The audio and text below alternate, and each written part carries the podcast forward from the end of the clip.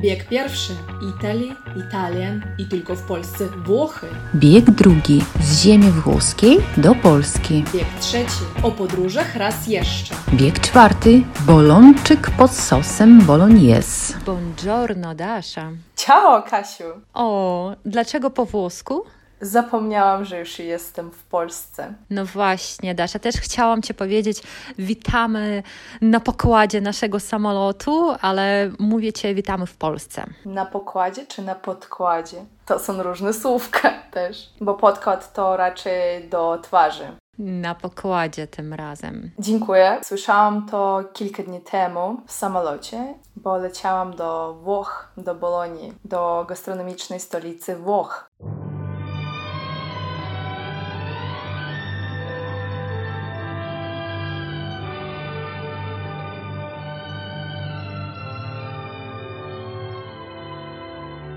O, no tak, czyli bolognese, sos boloński i różne takie smaki to właśnie stąd, tak? Tak, ale największe wrażenie na mnie zrobił sznicel po bolońsku. Kotleta alla bolognese. O, taki kotlet. Brzmi jak kotleta, no tak.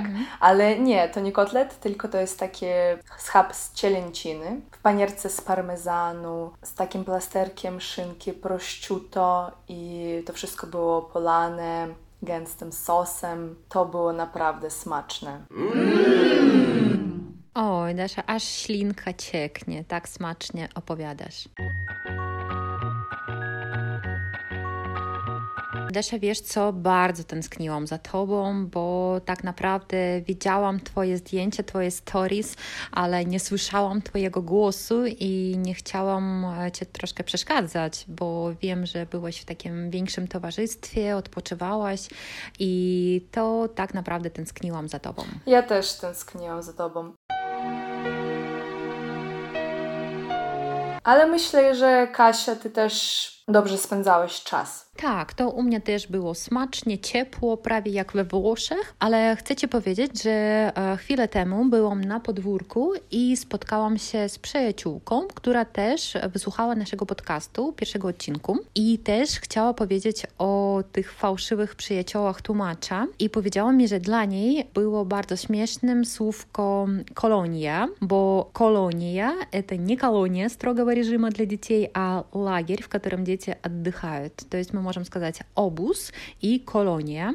Jest tam определенные различия, мы про это тоже как-нибудь поговорим. I jeszcze ona powiedziała, że bardzo rozbawiło ją słówko staruszek, tak, że по-русски мы говорим только старушка, это она, пожилая женщина, бабуля, старушка, a по-польски есть еще и дедушка, старушек. I to takie bardzo miłe i czułe słówko. Albo stary dziad. No tak, to mówiąc inaczej.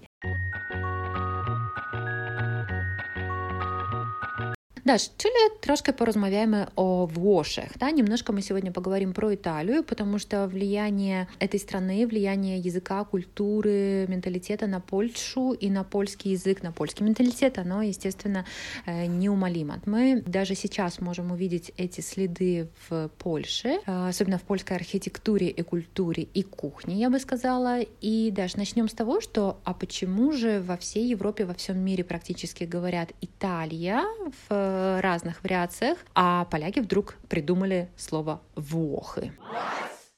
Dla mnie to było zaskoczenie, kiedy po raz pierwszy się dowiedziałam, że Италия то Вохы. Я была очень удивлена, когда узнала, что на польском Италия это Вохы. Что же здесь общего? Большинство источников говорит о том, что просто наши предки перепутали два названия племен. Вохув и Воохув.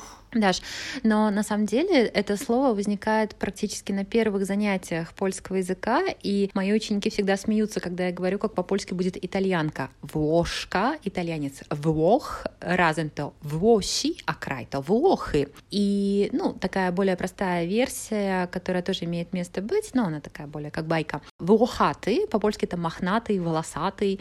И я всегда говорю, что когда первый поляк увидел первого итальянца, он, видимо, к тому моменту не побрился, не причесался, был такой весь заросший, мохнатый, и поэтому поляки дали им название Вохы. Но при этом я думаю, что все равно, естественно, достоверной является версия, которую ты, Даша, озвучила, что это было просто название племени. И обратите внимание, что когда мы говорим на польском «я еду в Италию», мы говорим «jadę до Вох». Но если мы говорим, что в Италии вкусный пармезан, то мы на польском скажем «we Włoszech bardzo smaczny parmezan». Потому что некоторые путают, э, говорят «jadę до Włoszech», а правильно «jadę до Вох», но в Италии иначе в Вошех. Да, э, есть названия стран, которые во множественном числе звучат, как будто бы это название Чехи, Венгры. Ну, про это тоже мы когда-то поговорим, потому что это такие слова исключения, которые нужно ну, просто запомнить их э, склонение. Немцы, да, Германия, то же самое, тоже немножечко сложновато склоняется. А, но слово Италия, оно тоже существует в польском языке. Вы можете его услышать, когда мы говорим про исторический какой-то период.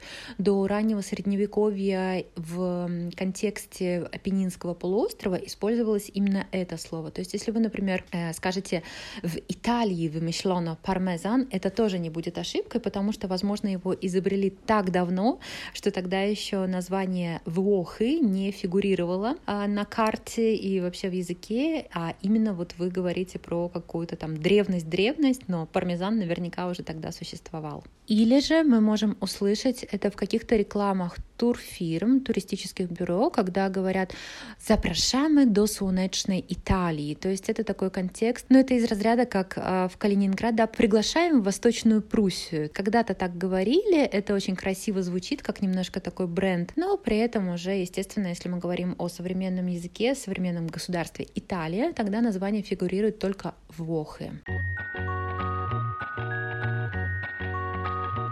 Не знаю, как другие э, русскоговорящие, но мне название страны Италия по-польски Вохы напоминает одно разговорное слово на русском — лохи. Хорошо, не блохи. Да, но просто это ни в коем случае не, никого не хочу обидеть, это не оскорбление, просто это как такая языковая игра. Мой папа очень сильно смеялся, когда услышал, что Италия — это Воха, и тогда он сказал, а, лохи? Ну, смешно, и когда мы общаемся, и у кого-то случилась казусная ситуация, то мы можем сказать, ну, ты итальянец это такая шутка вашей семьи, да, уже контекст понятен. Да, но ни в коем случае не оскорбление, как бы тут даже ничего общего с этим нет. Да, к итальянцам мы относимся с огромным уважением, потому что и для России, и для Польши эта страна сыграла довольно-таки важную роль.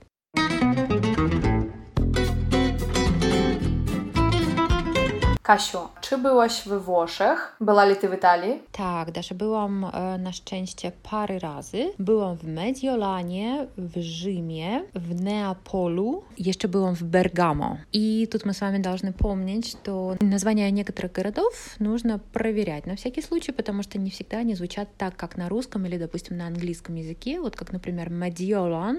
Те, кто слышали наш первый выпуск, уже знают, что это Милан, так называется по-польски.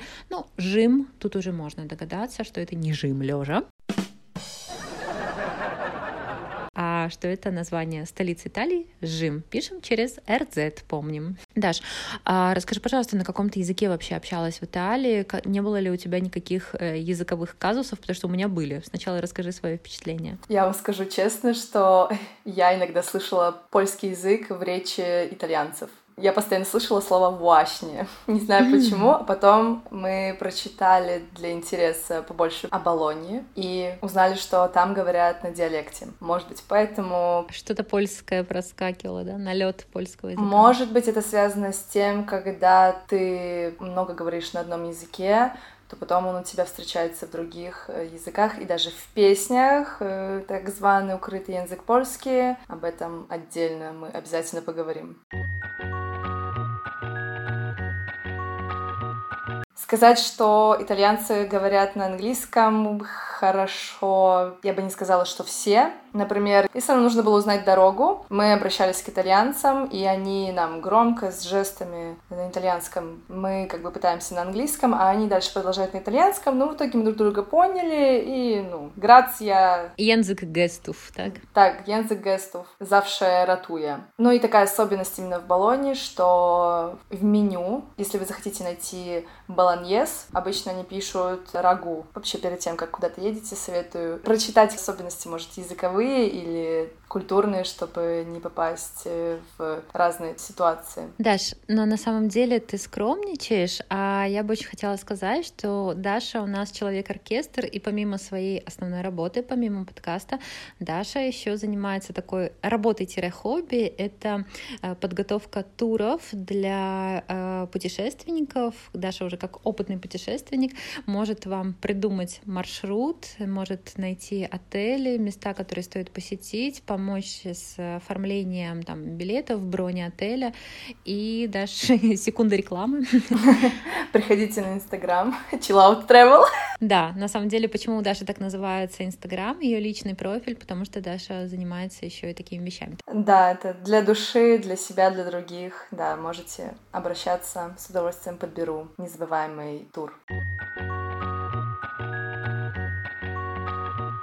Даш, ну ты сказала, да, что э, тебе постоянно слышалась польская речь, но на самом деле мне кажется, что даже тебе могло не слышаться, потому что не знаю, как сейчас во время карантина, но когда я была в Италии, мне казалось, что там каждый второй это просто поляк, потому что поляков с Италией очень много связывает. Тут э, скажу, что Болонит является исключением. Это выюнтково не туристическое место. Ага, регион для своих, да? Да, для своих. И я от этого кайфовала. Я равам считым. Даже ты сидишь в кафе, не, не везде на английском прописано меню, и мне, да, мне нравилось сидеть, э, залипать э, и искать в переводчике, как же это будет. Интересный опыт. И Естественно, мы встретили пару поляков и русскоговорящих, но их реально можно было пересчитать по пальцам, поличить на пальцах. Mm-hmm. Да, это э, не такое сейчас. Ну, и сейчас вообще такое не очень туристическое время. Сейчас, только, да, согласна. Да, на- начинают вот эти возрождаться все туристы, которые самые смелые куда-то едут. Вот. Но э, когда я была в Ватикане, которое, ну, это отдельное государство, но оно находится на территории Италии, так такой анклав тоже. Вот, и мне казалось, что там поляков гораздо больше, чем вообще итальянцев и кого бы то ни было. Но понятно, что поляки католики, и главная святыня — это Ватикан, и это место привлекает не только паломников, но и туристов, да, то есть вот эта столица Петрова.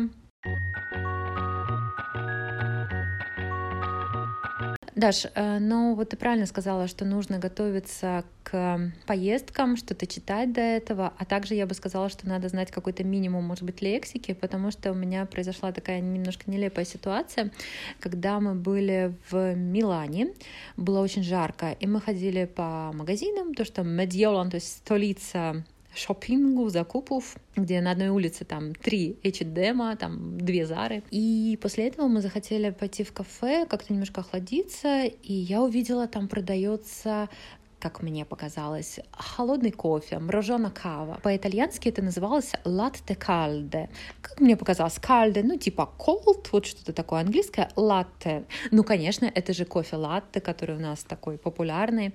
А в итоге я была очень удивлена, когда мне подали стакан горячего молока в 35-градусную жару. Упс. Потому что латте — это молоко, Кальде — это горячее. В польском языке мы можем сейчас, например, э, встретить несколько таких слов, которые связаны с Италией. Например, ожех вłoski — это грецкий орех. Так произошло наверняка из-за того, что в Россию орехи грецкие экспортировали из Греции, а в Польшу из Италии. Это моя вольная интерпретация.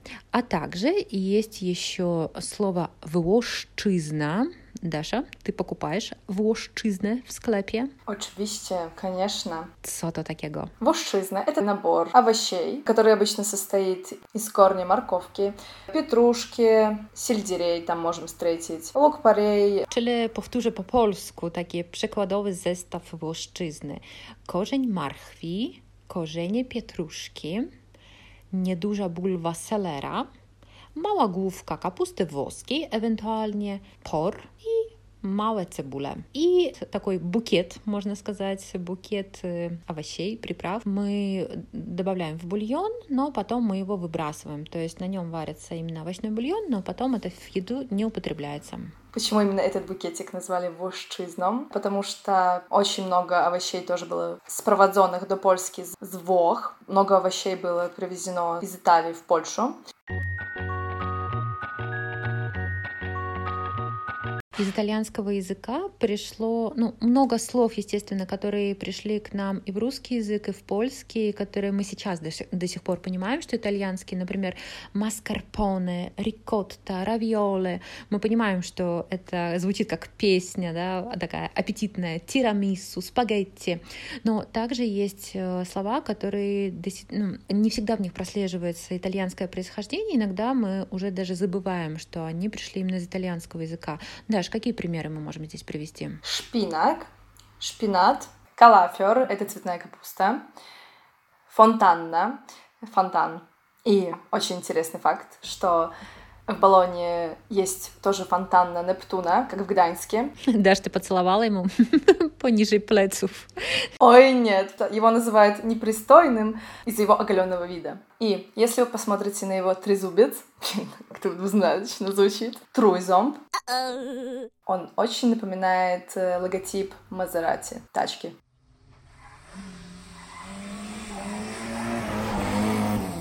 Чиковостка. Плюс еще такие слова violoncello, виолончель. Ну, серенада, соната, тут уже можно догадаться. Поэтому итальянцы внесли вклад не только в культуру, архитектуру Польши, название одежды также. Некоторые пришли из итальянского языка. В искусстве много лексики было задействовано. Ну, понятно, что в кухне тоже много лексики очень пришло из итальянского языка, ну, как во все языки, да, все мы едим пиццу и тирамису, тирамису по-польску. Как мы уже говорили, некоторые слова имеют э, свое оригинальное произношение в Польше. Например, э, кеубаса чоризо. Я как-то при подружке сказала на нее харизо. Она очень смеялась, и после этого начала называть ее Хариза. И также шинка прощуто. Не прошуто, только прощуто. Даш, а ты знала, что польский гимн Мазурок Домбровского по-другому называется «Песнь легионов польских во Вошах»? Для меня это интересный факт, потому что я об этом не знала. Единственное, что я помню, что в польском гимне поется «С земи воски до польски». Вопрос. Почему вдруг гимн Польши называется «Песнь легионов польских во Вошах»? Песня польских легионов в Италии. А, ну, за пределами Польши чаще всего этот гимн узнается по первой строчке «Еще Польска не сгинела», еще Польша не погибла. Почему же так сложилось? Откуда вдруг взялась Италия и Наполеон, о котором тоже вспоминают в этом гимне, вдруг в польском произведении национальном. Но дело в том, что мы должны вспомнить историю, и Польша, Речь Посполитая, она исчезла с политической карты Европы на 123 года, и в 1795 году такого государства вообще не существовало. Мы помним, что Российская империя, Пруссия и Австрийская империя ну вот, разделили территорию Польши между собой. И получается, что генерал Хенрик Домбровский с разрешения Наполеона Бонапарта создал в Италии польские легионы, которые покинули родину из-за раздела территории.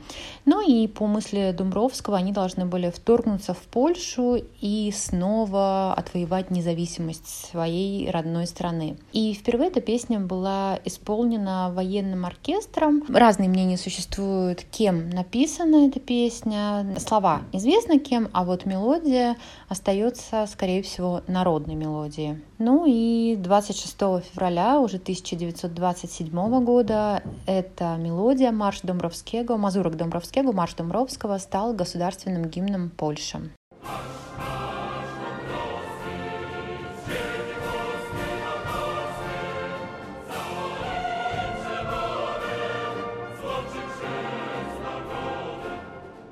Даш, а также мы в одном из прошлых выпусков, когда рассказывали про Сопот, мы говорили, что главная пешеходная улица Сопота называется Мончак, а официально она называется улица Монте-Кассино.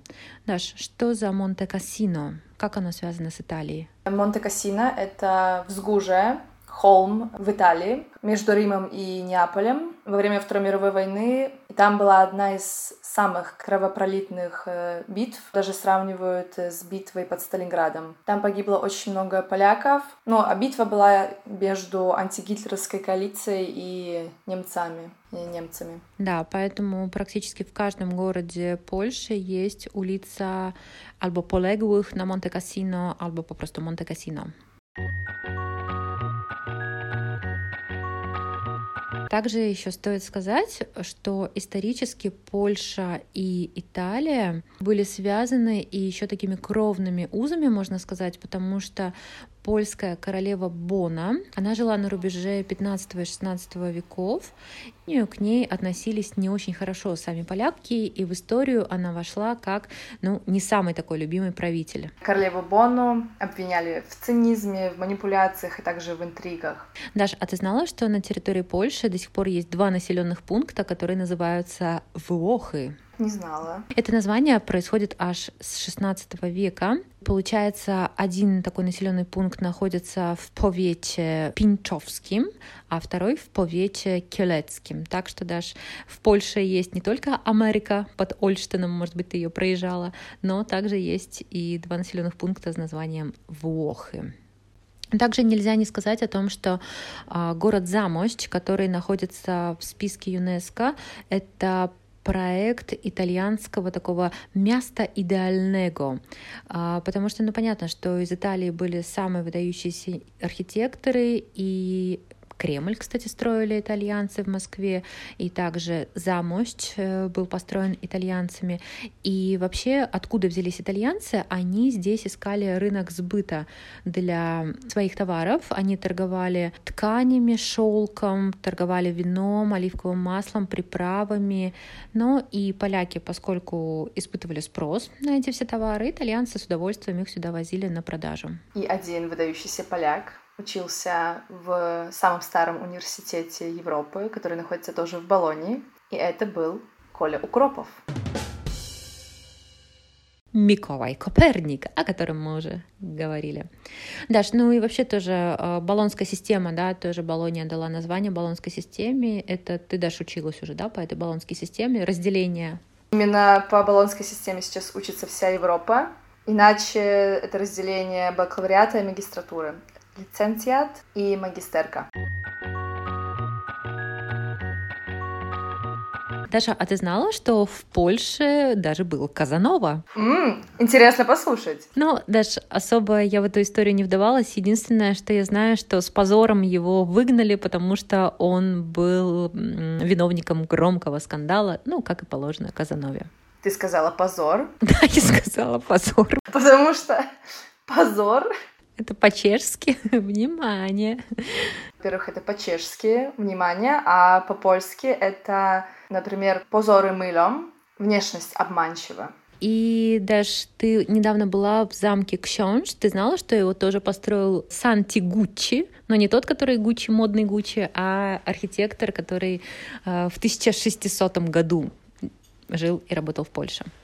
Век живи, век учись, не знала. И в 2016 году в Польше проживало аж более пяти тысяч вохов, итальянцев. Даш, скажи, пожалуйста, есть ли сейчас итальянцы в Польше? Может быть, ты каких-то знаешь итальянцев в Польше?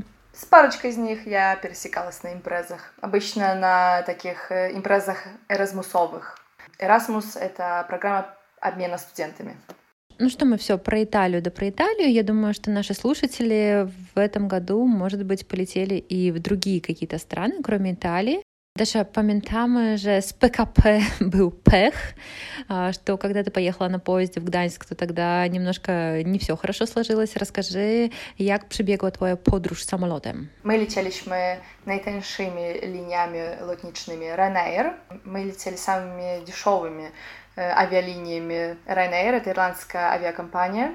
Интересно то, что в Польше можно реально купить э, очень дешевый билет на самолет в другую страну. Это наши билеты с багажем подренчным, с ручной кладью, обошлись нам 80 злотых э, на человека в одну сторону. Это на минуточку практически стоимость э, билета на автобус из Гданьска до Калининграда. Расстояние 120 километров. Да, да, а тут лететь почти два часа. Раньше еще было так, что в эту цену был включен также багаж 10 килограмм, Потом это отменили, но сейчас его приходится докупать, но его можно тоже докупить за 50 злотых. Мы, например, купили этот багаж, чтобы привезти с собой fajne winko smaczne za 1-2 euro. Warto było zainwestować. Dokładnie tak. Не żałuję. Что интересно, если вы покупаете билет, который включает только ручную кладь, есть специальные кабинки, где вы можете проверить, вмещается ли ваш багаж, соответствует ли он нормам. Ну, такая рамка, да, в рамка, можно да. чемодан свой попробовать засунуть. Так, но обычно э, именно в Польше я не встречала, чтобы проверяли прям Э, говорили, давайте засовывайте свой портфель, плецак в эту раму, потому что когда я летала, например, Победой из э, Калининграда в Петербург, то там уже прям как-то жестко проверяли даже вот сумочку, помещается ли она в эту раму. А в Польше с этим может у вас, скорее всего, прокатит, если рюкзак будет немножко побольше. Такой лайфхак. Но если вы загоняетесь, э, как я, если вы się przyjmujecie za bardzo jak ja, no to polecam wykupić jednak bagaż rejestrowany. Советую докупить регистрируемый багаж. Если вам такая идея придет в аэропорту, вам придется заплатить дороже, поэтому старайтесь покупать заранее, потому что, ну, во-первых, не все можно положить в ручную кладь, как, например, там жидкости, вдруг вы купите какой-то там супер шампунь, ну или что, вероятнее, вино в Италии, и тогда вам уже не нужно будет переживать за этот багаж или там надвага, да, лишний вес, который у вас уже переваливает за вот эти 10 килограммов.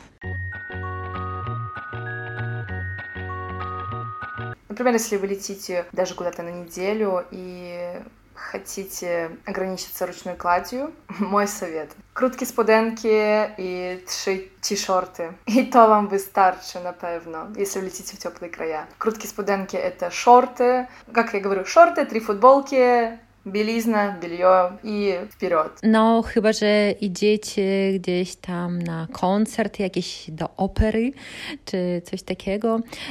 Помнишь, даже мы как-то вспоминали уже Мартину Вачеховскую, это известная телеведущая, которая снимает передачи о путешествиях, и когда я читала интервью с ней, она говорит, что всегда у нее в чемодане лежат запасные элегантские клапки на обцасах, да, то есть может быть какое-то такое мероприятие, там позовут в какой-то ее шикарный ресторан или там нужно будет пойти в театр, в оперу, ну, чтобы что-то такое было а, на выход, так скажем. Но я думаю, что если ты едешь на три дня или это просто у тебя такое путешествие где-то в город, в горы, по природе, то, естественно, можно обойтись даже и без элегантной одежды. Главное, чтобы было удобно. Najważniejsze to nie ładne jakieś zdjęcia, a tylko wspomnienie. Самое главное это не, не красивые фотографии, а воспоминания.